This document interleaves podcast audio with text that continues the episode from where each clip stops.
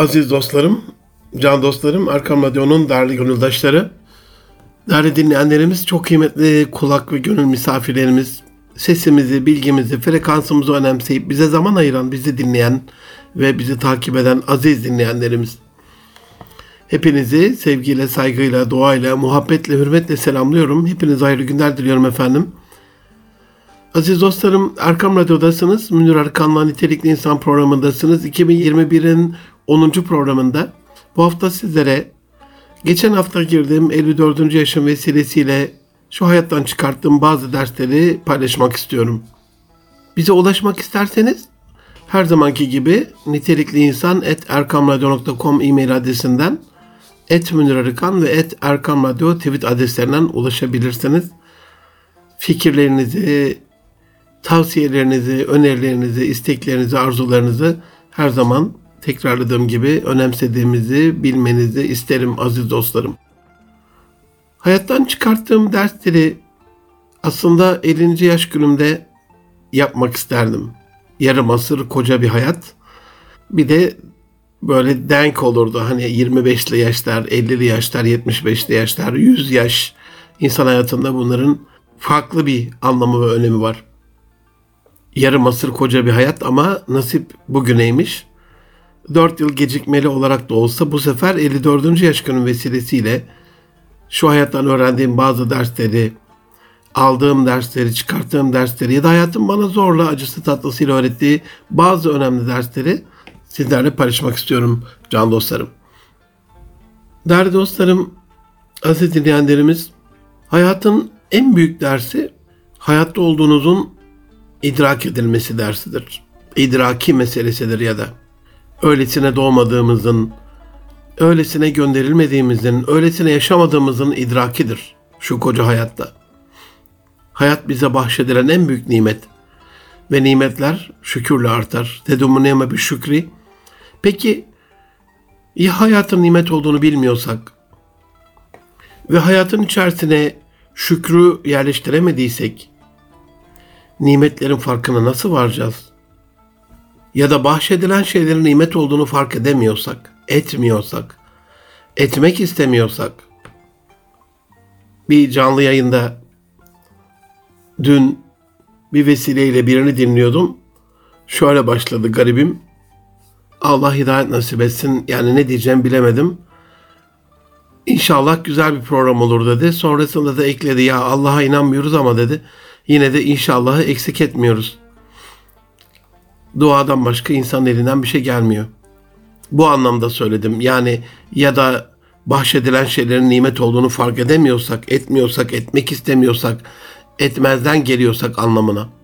Hani öğrencilik yıllarımızda hepimizin söylemiş olduğu yüz aldığımızda ben yüz aldım ama zayıf aldığımızda öğretmen işte zayıf verdi cümlesinde olduğu gibi kazanınca biz kazanıyor, biz elde ediyor, biz hak ediyor ama elden gidince Allah aldı ya da Allah'ımızı bile zikretmeden kaybettim gibi laflar ediyorsak ya da böyle mazeretlere sığınıyorsak. Evet, hayatın en büyük dersi hayatta olduğumuzun idrakidir. Ama çevremizde gördüğümüz birçok insan aziz dostlarım sahip olduğu hem de onca nimete rağmen bu da hayat modunda yaşıyor. İnanın böyle. Çok sevdiğim, koçluğunu yaptığım, yönetici koçluğunu yaptığım bir ağabeyim var. Hocam diyor bir, bir dostum bunu bana öğretti diyor. Ya geliyor diyor yanıma. İşler nasıl? İşte ben öldük, bittik, sürünüyoruz. Ondan sonra e, ticari olarak büyük zarardayız, büyük kayıptayız. Hep böyle diyordum diyor. Bir gün bana dedi ki diyor ya belki sen böyle söylüyorsun diye böyledir. Bir de şükret. Sonuçta iyi bir tüccarsın, namuslu, dürüst bir tüccarsın. Karın az olabilir, işlerin zayıf olabilir. Ee, Türkiye'nin o dönemde içinde bulunduğu durum belli. Sen bir şükret, belki şükrettiğin kadar olur hayat. Ben diyor ondan bunu öğrendim. Çok önemli bir cümle. Belki şükrettiğin kadardır hayat, şükret. O anlamda söyledim birçok insan sahip olduğu onca nimete rağmen bu da hayat modunda yaşıyor. Bana mesela koçluğa geliyorlar bazen. Sayıyorlar dertleri var. Kafalarına göre dertleri var. Zanlılarına göre kendilerince dertleri var. Aslında dinliyorum, dinliyorum, dinliyorum. Ya diyorum şu anda ümmetin ilk yüzde birinde, ilk yüzde bir kaymak diliminde olduğunu biliyor musunuz? Anlatıyorum işte ümmetin durumunu. Ya hocam diyor haklı, haklı haklısınız diyor öyleymiş diyor yani biz birazdan körlük yapmışız diyor. Anlayanlara çok şükür ama anlamayanlar da var. O açıdan hayattan öğrendiğim en büyük ders gerçekten ve gerçekten aziz dostlarım her zaman beterin beteri var gerçeğidir. Bu anlamda şükretmesini bilmek gerekiyor. Her ne kadar deyip yapmışsak, her ne kadar kayıp yaşamışsak, her ne kadar zarar görürsek görelim, muhakkak yaşadığımız durumun en az bin beteri daha kötüsü vardır. Bunu bizzat yaşayarak öğrendim hayattan. Küçükken babamın bir arkadaşı ailecek seyahat ettikleri kendi sürdüğü arabasıyla Ankara'ya giderken bir kaza yapmış ve üç çocuğunu kaybetmiş. Eşi ve oğlu ile kazadan sağ olarak kurtulmuştu. Biz yayladaydık. Babamla cenazeye indik. Yani bir gün evvel gördüğümüz o abinin simsiyah saçlarının bir gün sonrasında bembeyaz olduğunu gördüğümde kazayı öğrenmemdekine benzer bir şoka girmiştim. Yani bu abi o abi mi? Evet, acılar ilk saçlara vuruyordu demek ki. Nitekim Kur'an-ı Kerim'de eğer inkar ederseniz çocukları saçları ağarmış ihtiyarlara çeviren o günden nasıl korunabilirsiniz ayeti kelimesinde beyan edildiği üzere demek ki stres, korku, kaygı, endişe insan fizyonomisi üzerine, fizyolojisi üzerine büyük bir tesirde bulunuyor. Bir arabesk şarkıda geçen hani neden saçların beyazlamış arkadaştan da benim gibi çektiren mi var sözü bilimsel olarak da ispat edilmiş durumda.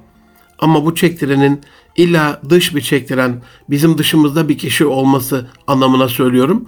İlla bir dış çektiren olması zorunda zorunlu değil. Çevresindeki insanlar güzel insanlar bile olsa insan kendi kendine de çektirebiliyor. Yaşadığı hayat çok güzel bir hayat da olsa insan kendi kendine dert küpü haline gelebiliyor. Çok muhteşem bir hayat yaşamasına rağmen kendi kendine kahredebiliyor. Bir aile koçluğu için geçenlerde bir hanımefendi aradı. Ee, hocam dedi biraz böyle oğlumun takıntıları var. Sahip olduğu fizyonomik özellikleri dolayısıyla işte yok saçını beğenmiyor, yok kulağını beğenmiyor, yok burnunu beğenmiyor. Yardımcı olamayacağımı söyledim. Ama buna benzer o kadar çok vaka var ki şu anda plastik, estetik, re- rekonstrüktif cerrahi deniyor buna. E, bu güzellik uğruna bıçak altına yatanlar, orasını burasını şurasını beğenmediği için düzeltenler. Yani bu takıntı falan değil, büyük bir travma aslında. Üstelik hani düzelttikleri ya da düzelttiklerini sandıkları e, ya da tam hayalindeki o e, güzellik abidesine kavuştuklarını zannettiklerinde bile e, birçoğunun sonunun çok iyi olmadığını, üstelik dünyanın en güzel insan olarak kabul edilen artistlerin intihar ederek öldüğünü de düşündüğümüzde Allah'ı zikretmekten daha büyük bir kalp sükunu ve huzuru olmadığını bilmemiz ve idrak etmemiz gerekiyor aziz dostlarım. Bunu söylerken tabi sakın 54 yaşımda saçları simsiyah bir kardeşiniz olduğumu sanmayın hayatı olduğundan daha fazla stres, kaygı ve korku yaşamış bir kardeşiniz olarak sonradan yavaş yavaş ve yeniden öğreniyorum hayatı. Kendimi geliştirmeye çalışıyorum. Bazı önemsiz e, kabul ettiğim ama hayatıma tesirli olan olaylara daha fazla önem vermeye başlıyorum. Bazı olumsuz özelliklerimden kurtulmaya gayret ediyorum. Bazı güzel özellikler kazanmaya çalışıyorum. Bir çaba içerisindeyim yani. Özellikle son dönemde hayatımdan aceleyi ve stresi yavaş yavaş çıkartmaya gayret ediyorum. Hani bir antik Yunan atasözü vardır ya yavaşça acele et, festinelante. İşte aynen öyle. Acelenin bile yavaşı. Daha planlı oldukça üstelik, daha ajanda merkezli, daha yazılı bir şekilde yaşadıkça aceleye olan ihtiyacınız da azalıyor galiba gittikçe. Bazı inanmayan kardeşlerimiz zaman zaman şu cümleyi kullanır. Allah beni yaratırken bana mı sordu da yarattı?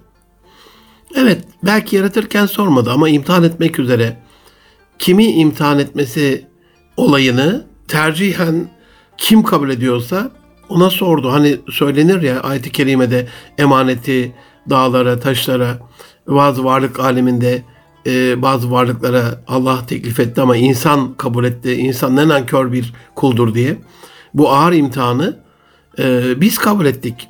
Çünkü o imtihan etmek üzere emaneti vermek istediğinde bunu bizim ruhlar alemindeki yaşantımızda, alemi ervahta, bezme eleste bize sordu ve biz gönüllü olarak Hani meşhurdur ne zamandan beri Müslümansın kalübeladan beri deriz ya.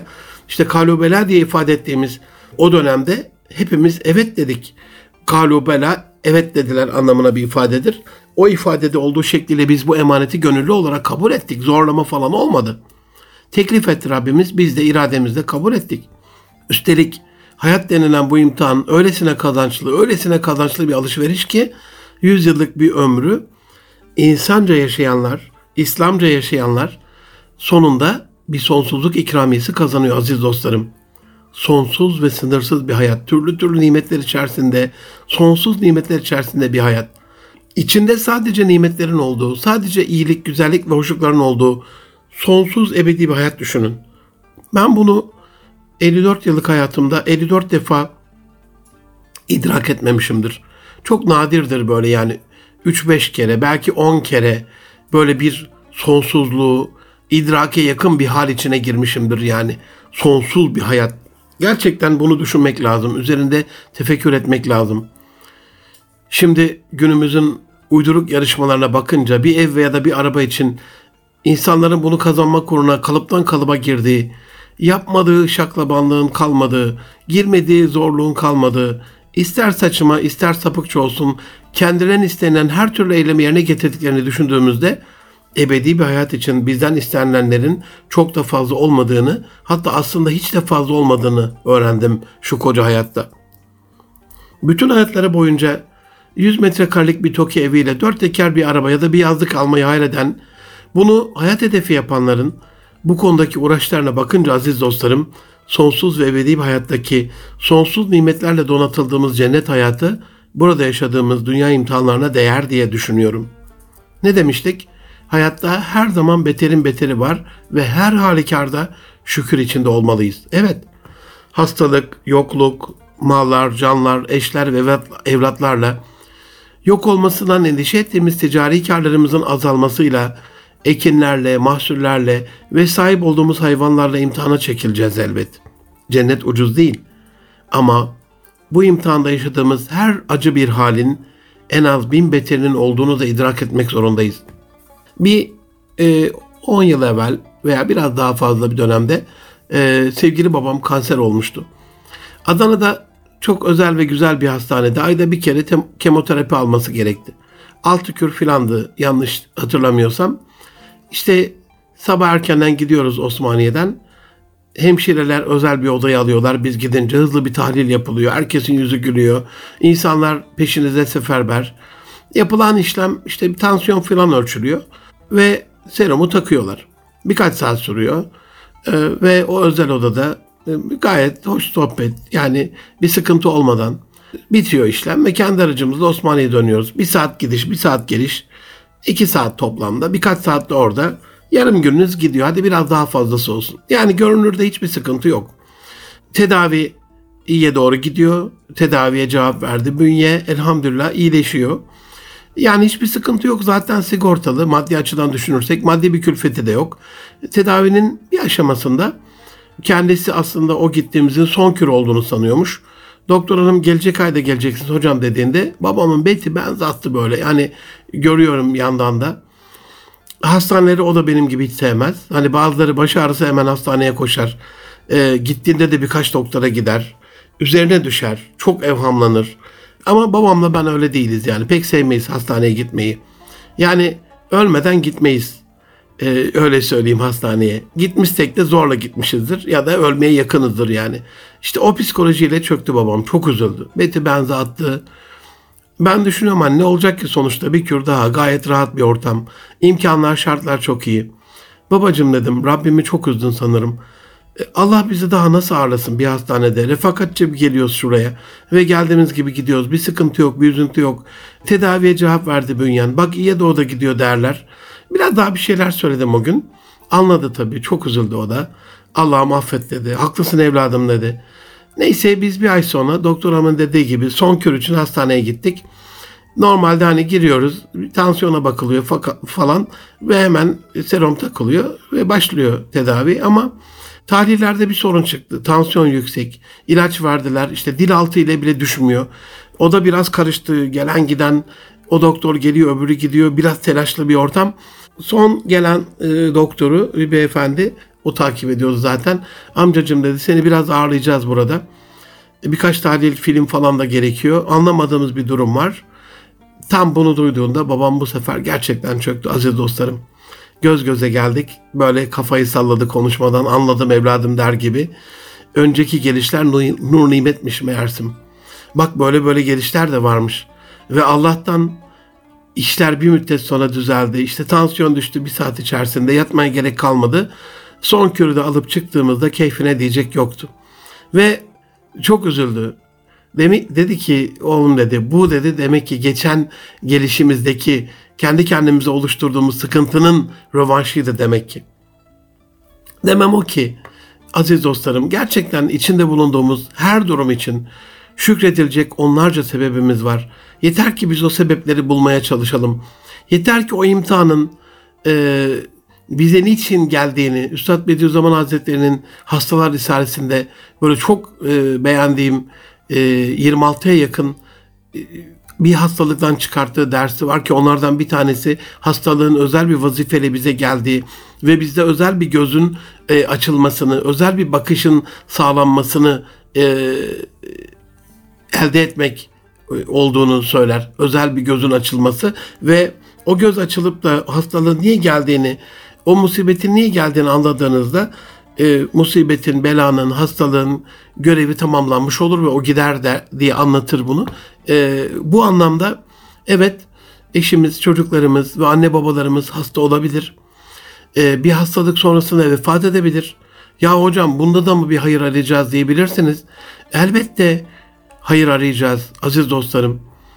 Yani uzun böyle bir dönem içerisinde çok yatalak bir vaziyette çok fazla insanlara yük olarak ya da yük olmasa insanlar bunu severek yapsa bile kendini yük olarak gören hastalıklar da var. Tedavisi olmayan, uzun dönem devam eden, hayatı böyle işkenceye çeviren hasta açısından hastalıklar var. Dolayısıyla her zaman beterin beteri var. Ee, elbette burada bir hayır arayacağız. 8 yaşında bunu annesini kaybetmiş bir kardeşiniz olarak ve bunu her hatırladığında buna şükretmiş bir kardeşiniz olarak konuşuyorum. Bunu söylemeye hakkım var diye düşünüyorum acizane. Annemi çok şükür ben daha 8 yaşında küçük bir çocukken kaybettim aziz dostlarım. Hocam çok şükür dediniz. Evet çok şükür dedim. Sonrasında yaşadığım hayat dışarıdan bakanlar için çilelerle dolu, çok zor bir hayat olarak görülse de, algılansa da benim için her dakikasına binler şükür ettiğim ya da binler şükür etmek istediğim müstesna ve muhteşem bir hayat aziz dostlarım. Annemin ölümü meselesini açayım biraz size. Elhamdülillah öldü. Rabbimin takdiri. Şükür. Bir kaza sonucu öldü. Hiç çekmeden gitti garibim.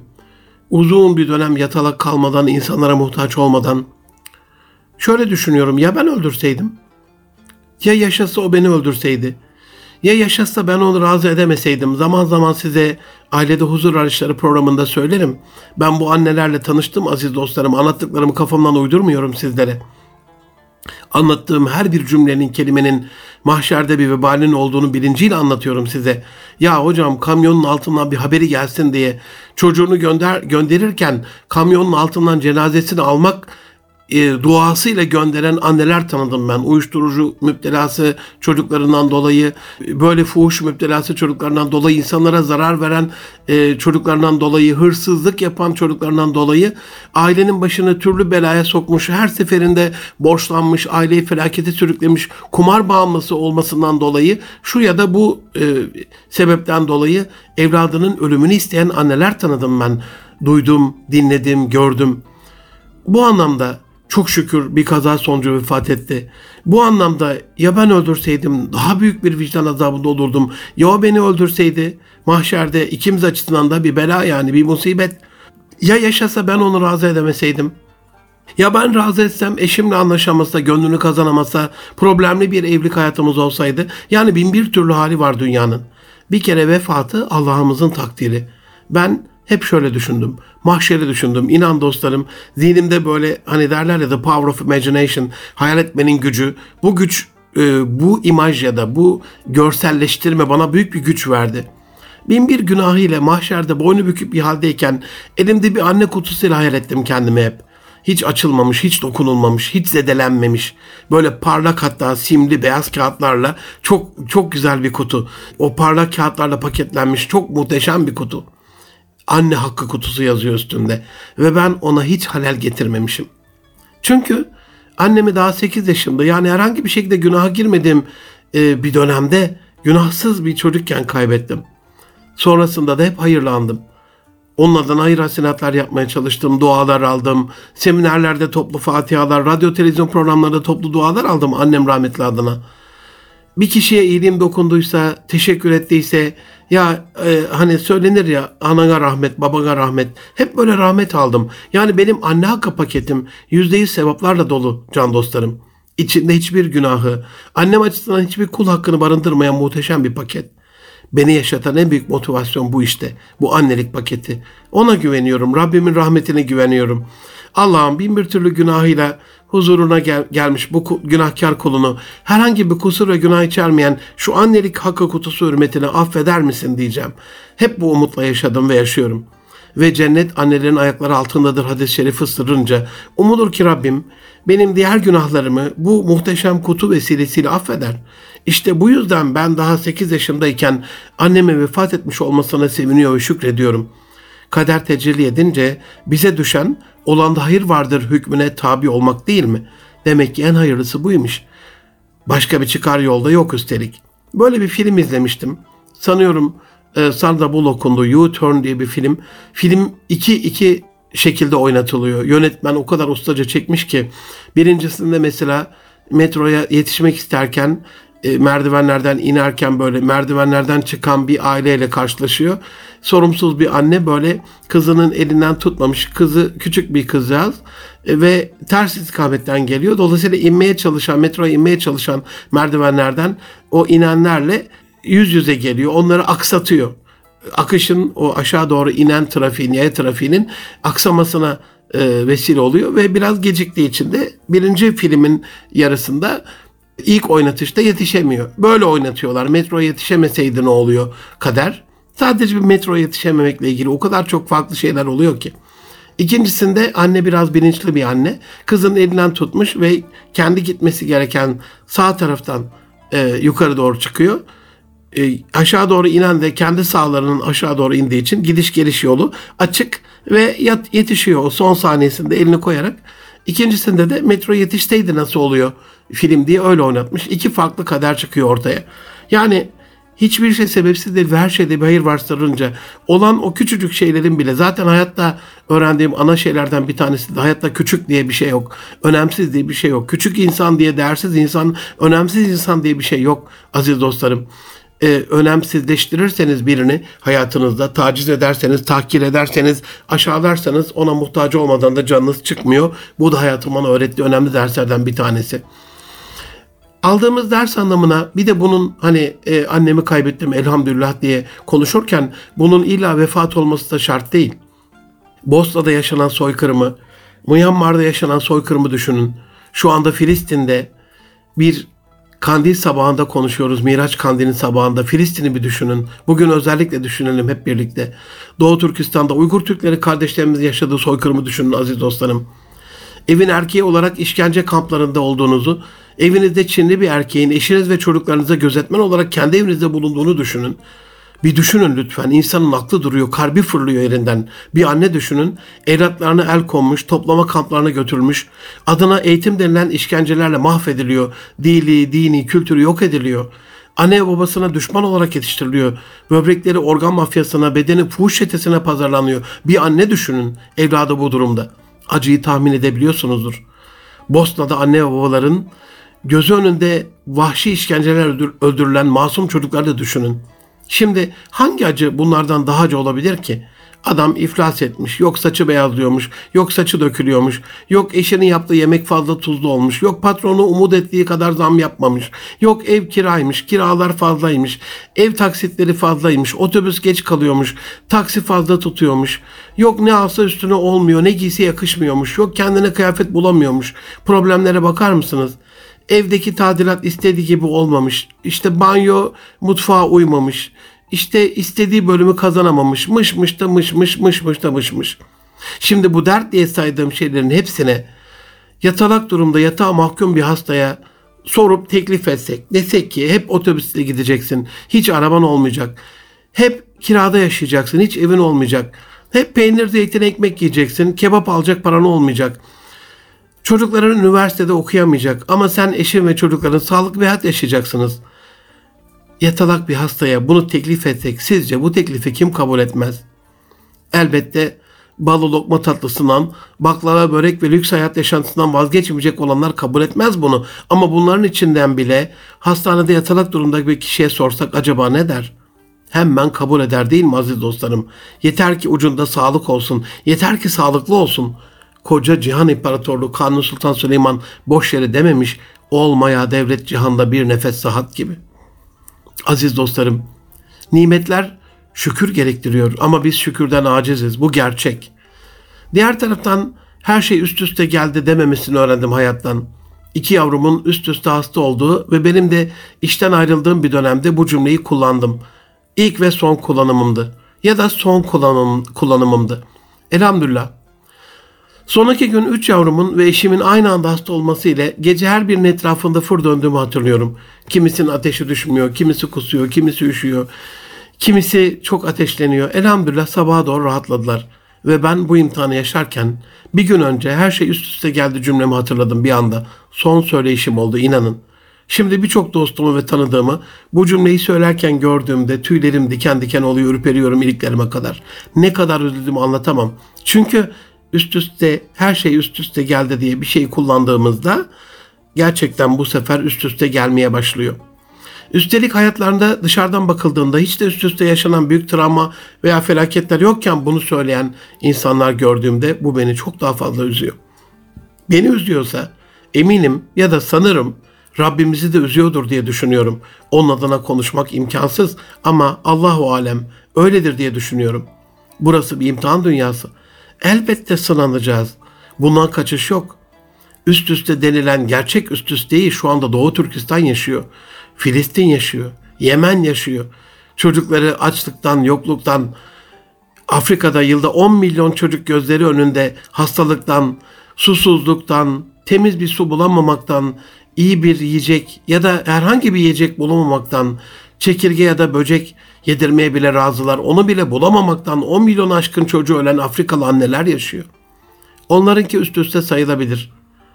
Üst üste iki çocuğunu, üç çocuğunu, dört çocuğunu kaybeden Afrikalı anneler, işkence altında gözleri önünde İsrail'in zalim katilleri tarafından öldürülen Filistin'in anneleri söyleyebilir bunu. Belki babaları bunu söyleyebilir. Kaldı ki iman dolu yürekleriyle onlar bile bunun üstesinden gelmenin yollarına bakıyorlar. Hiçbir zulüm kalıcı, değil. Hiçbir sefa her daim sürücü değil. Dönüşün olarak deneniyoruz aziz dostlarım. Bazen hani gittiğimiz yeri beğenmeyiz, kaldığımız oteli beğenmeyiz, yattığımız yatağı beğenmeyiz. Yok yastık işte çok sert değilmiş ya da çok yumuşak değilmiş. Ben bir 10 sene evveldi sanıyorum öğrendiğimde şoka uğramıştım. Filistin'de e, 4-5 çocuğu olan bir aile her çocuğunu farklı akrabasına gönderiyormuş. Hani olur ki bombalanır da bir mekan toplu olarak orada ailenin zürriyeti kurumasın diye. Şimdi bizim hayatımızı bir düşünelim, onların hayatını bir düşünelim. Kaldı ki aziz dostlarım, sürünüyoruz lafı şu imtihan dünyasında asla ve asla kullanmamamız gereken bir kelimeymiş. Bu kelimeyi son kez kullandığımda 15 yaşındaydım. Babanın, babamın arabasını kaçırmıştım. Hani çalmıştım ya da artık gençlik aklı, aklı, delikanlık aklı ya da olmayan akıl ehliyetsiz bir şekilde üstelik gezmeye çıkmıştım. Kavşaktan geçerken aslında ben durduğumu düşünüyorum ama sola doğru baktığımda hızla gelen bir motor gördüm jet hızıyla. Hani biraz gazı vermeye çalıştım ama kaçamadım. Sürücü de kaçamadı. Motor dışarıda, sürücü camdan içeride. Öyle bir kaza yaşadım. Arka kapı ve cam haşat. Ama Allah'tan kazazade adam hani direkt içeri uçtuğu için pek fazla bir şey yoktu. Onu hastaneye götürdüler. Babam İmam Sesi Müdürü. Tanımış bir ailemiz var. Hocazade sülalesi. Elhamdülillah çevremiz geniş. O gün bana bir şey yapmadılar. Adam da şikayetçi olmadı zaten. Hocamın oğlu falan. Ee, önemli bir şey de yok. Tabii babamın tepkisi çok fena oldu haklı olarak. Ertesi gün okula gittim. Okula bir polis geldi. İşte çağırdılar beni dersten. E, gittim müdüriyete. İşte karakola gidip birkaç imza atmak gerekiyormuş. Ama ben o delikanlık şeyle nasıl sinirliyim anlatamam yani. İçimden söyleniyorum ya terörist miyiz dersten adam alıyorsunuz. Delikanlının ya da ergenliğin deli fikirleri işte akla gelenler. Koskoca müdür beyin oğluyuz. Yani evrak imzalanacaksa getirseydiniz okula imzalasaydık. Delikanlılığın kanını bırakın delilik yani resmen. Fiyakama bakar mısınız? Neyse e, okulun bir minibüsü var. E, şoförümüz de Fevzi abi kulakları çınlasın e, bizi dinliyorsa şu anda. Çok sevdiğim, saygı duyduğum, e, hürmet ettiğim bir abiydi. E, o karakola götürdü beni. Komiser hoş geldin hocamın oğlu dedi. Geç otur dedi. Diğer arkadaş gelecek. Onu beklememiz gerek. Onun nöbetinde olduğu için o imzalayacak dedi. İyi. Yani biraz da e, beklemeyi kendime yediremedim ama e, birkaç dakika bekledi Fevzi abi. Baktı biraz fazla beklenecek. Hani bir yere mi gitmiş? O zamanlar cep telefonları falan da yok. E, Fevzi abi okula döndü. Ben dedi e, öğlen tatilinde gelir alırım. E, ben bekledim, bekledim, bekledim. Diğer komiser gelmek bilmedi. Bir de bekleyene zor geçer ya böyle. Bir de hani niye oradayız onu kendime yediremiyorum. E, beni ağırlayan komiser de Allah var çay söyledi, simit aldı. Hani sabahın erken vakti. Koltukta oturuyorum yanında sonuçta. Birkaç saat sonra öyle tatil oldu. Yine gelmedi bizim beklediğimiz komiser. Ne yapıyorsun dedi. Ne oldu dedi. Hani işler bitmedi mi anlamına. Ne yapalım dedim ya. Sürünüyoruz Fevzi abi dedim işte burada. Bunu duyan ve beni o dakikaya kadar e, babama olan hürmetinden sevgiyle ağırlayan komiser bir ok gibi yerinden fırlayıp öyle bir tokat attı ki bana yerlere yuvarlandım aziz dostlarım. Kim süründürüyor ulan seni eşoğlu eşek lafı kulağımda hala. Affedersiniz hani tam beyanını söylemek adına söyledim. Atın bunu nezarete dedi. Nezaret dedikleri yer iğrenç. Bir yer iki metrekare küçücük bir oda.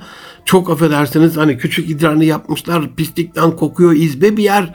Yani e, 40 yıl önceki e, karakolun durumunu anlatıyorum size. Yerler pis. İçeride o hocamın oldu gelmiş diye beni tanıyan birisi de çıkmaz mı? Oturacak yer yok. Herkes ayakta duvarda dikeleniyor. Ayakta oturacak, e, ayakta duracaksın yani oturacak bir yer yok. Kah duvara yaslanarak, kah ayakta böyle durarak akşamı zor ettik ki öyle. Nezaretten de aklıma şöyle bir düşünce geldi aziz dostlarım. 15 yaşının e, olmayan aklıyla, o yarım aklıyla oğlum dedim. Allah bunca nimetler veriyor ve kime sorsan ne olsun sürünüyoruz işte diyoruz yani. Burada seni çare simitle ağırlayan bir komiser bile sürünüyoruz lafına, kelimene dayanamadı. Bir çay ve simit sonuçta ikram ettiği şey ne ki? Biraz da toleranslı olması, müsamahalı olması. Ee, bu üç şeye bile sürünüyoruzu sindiremedi, yakıştıramadı ve tokadın sonrasında atıldı nezarethaneye. Peki sana saya saya bitiremeyeceğin nimetleri veren Rabbin acaba sen sana sorulduğunda hala sürünüyoruz işte desen ne kadar üzülüyordur? İşte o gün bugündür aziz dostlarım o malum kelimeyi kullanmıyorum. Elhamdülillah. Sürünüyoruz dememeyi öğrendim şu hayattan. Elhamdülillah dedikçe, çok iyiyim dedikçe, şükürler olsun dedikçe nimetlerin de arttığını gördüm üstelik. Siz olun. Bu malum kelimeyi asla ve asla söylemeyin bir daha. Allah'ımızı üzme ihtimali barındırıyor. Hayatın olumlu yönlerine bakmayı anlattığım bir seminerde bayan bir katılımcı elinde yarısı dolu bir bardağı havaya kaldırarak ya hocam bu kadar da fazla ama siz de fazla polyanacılık yapıyorsunuz. Bakın yarısı boş işte dedi. Peki dedim çölde olsanız ve o yarısı dolu bardak, bardaktaki su sizi ölümden kurtarsa haklısınız dedi mahcup bir şekilde. Yarısı dolu sonuçta. Ve o çölde o yarım çok değerli bir yarımdır. Çok tatmin olmasa da hani tamam dedi. Seminerin ikinci yarısında bardağı kaldırdı havaya yine. Ya hocam buna ne buyurursunuz dedi. Bakın şu anda o yarısı dolu olan bardak da değil bu. Hepsi boş. Şöyle bir baktım. Ne güzel bir bardak dedim. Bu sefer biraz daha fazla mahcup oldu ama pes edecek bir yapıda da değildi. Öyle bir tip değildi. Ne yapıp etmişse, nereden buldu bilmiyorum.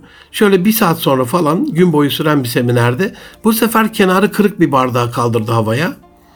Ya hocam buna ne diyeceksiniz çok merak ediyorum dedi. Ne güzel bir el dedim.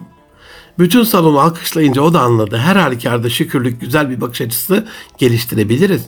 Evet bardak kırık olabilir ama rastlamışsınızdır ya da bir düşünün rastlamadıysanız bile elini oynatsın diye felçli bir akrabası için kurbanlar kesen, adaklar adayan, hastane hastane doktor doktor dolaşan bir insan hayal edin. Elini oynatıyor bile oynatabilmesine şükreden, azıcık oynatabiliyor bile diye ona muhteşem bir nimetmiş gibi gören ki öyledir yani. Parmakları oynatabilmek, ayağı oynatabilmek. Bir seminerde Bir arkadaşımı çağırdım yanıma. Buyurun dedim. Sahneye gelir misiniz? Geldi. Salon, tekrar dedim gider misiniz? Biraz da şaşırdı hani. E, ama e, şey yapmadı. Ses de etmedi. itiraz da etmedi. Bütün salona sordum. Çok muhteşem bir olay oldu dedim şu anda burada. Fark eden var mı? İşte e, sen, seni duydu dediler. E, hocam e, çağırınca siz geldi dediler. Size uydu dediler falan. Ya dedim yürüdü. Böyle gülümsediler. Ya hocam gül, yürüdü biz de yürüyoruz. Evet bunu standart nimet kabul ediyoruz. Yürümek. Bu bundan daha büyük bir nimet var mı yani? Bir akrabam var hep şöyle dua eder. Allah'ım secde nimetini alma benden. Çünkü bu secde edemiyorsak yatalak hale geldiğimizin bir ifadesidir aziz dostlarım. Hakikaten Rabbim secde nimetini almasın üzerimizden. Ee, Rabbim üzerimizdeki nimetlerini tamamla diye dua ediyoruz ya zaten. Nimetlerine muhtacız, onun ihsanla muhtacız. Bu dünya gelip geçici bir dünya aziz dostlarım. Biz bu dünya için yaratılmadık. Allah'ımızın tasarımı olan muhteşem varlıklarız. Darwinistlerin dediği gibi evrimleşerek maymunlardan türemedik. Maymunlardan gelseydik en azından maymunlar gibi doğumdan hemen sonra kendi ayakları üzerinde durabilen, kendi ihtiyaçlarını görebilen bir canlı olurduk. Evrile evrile ona dönerdik. Yaşlanınca bakıma muhtaç olmazdık maymunlar gibi. Daha güçlü ve kuvvetli olurduk. Doğaya daha uyumlu bir hayatımız olurdu. Ama biz evrimleşerek maymundan gelmedik. İnsan olarak yaratıldık.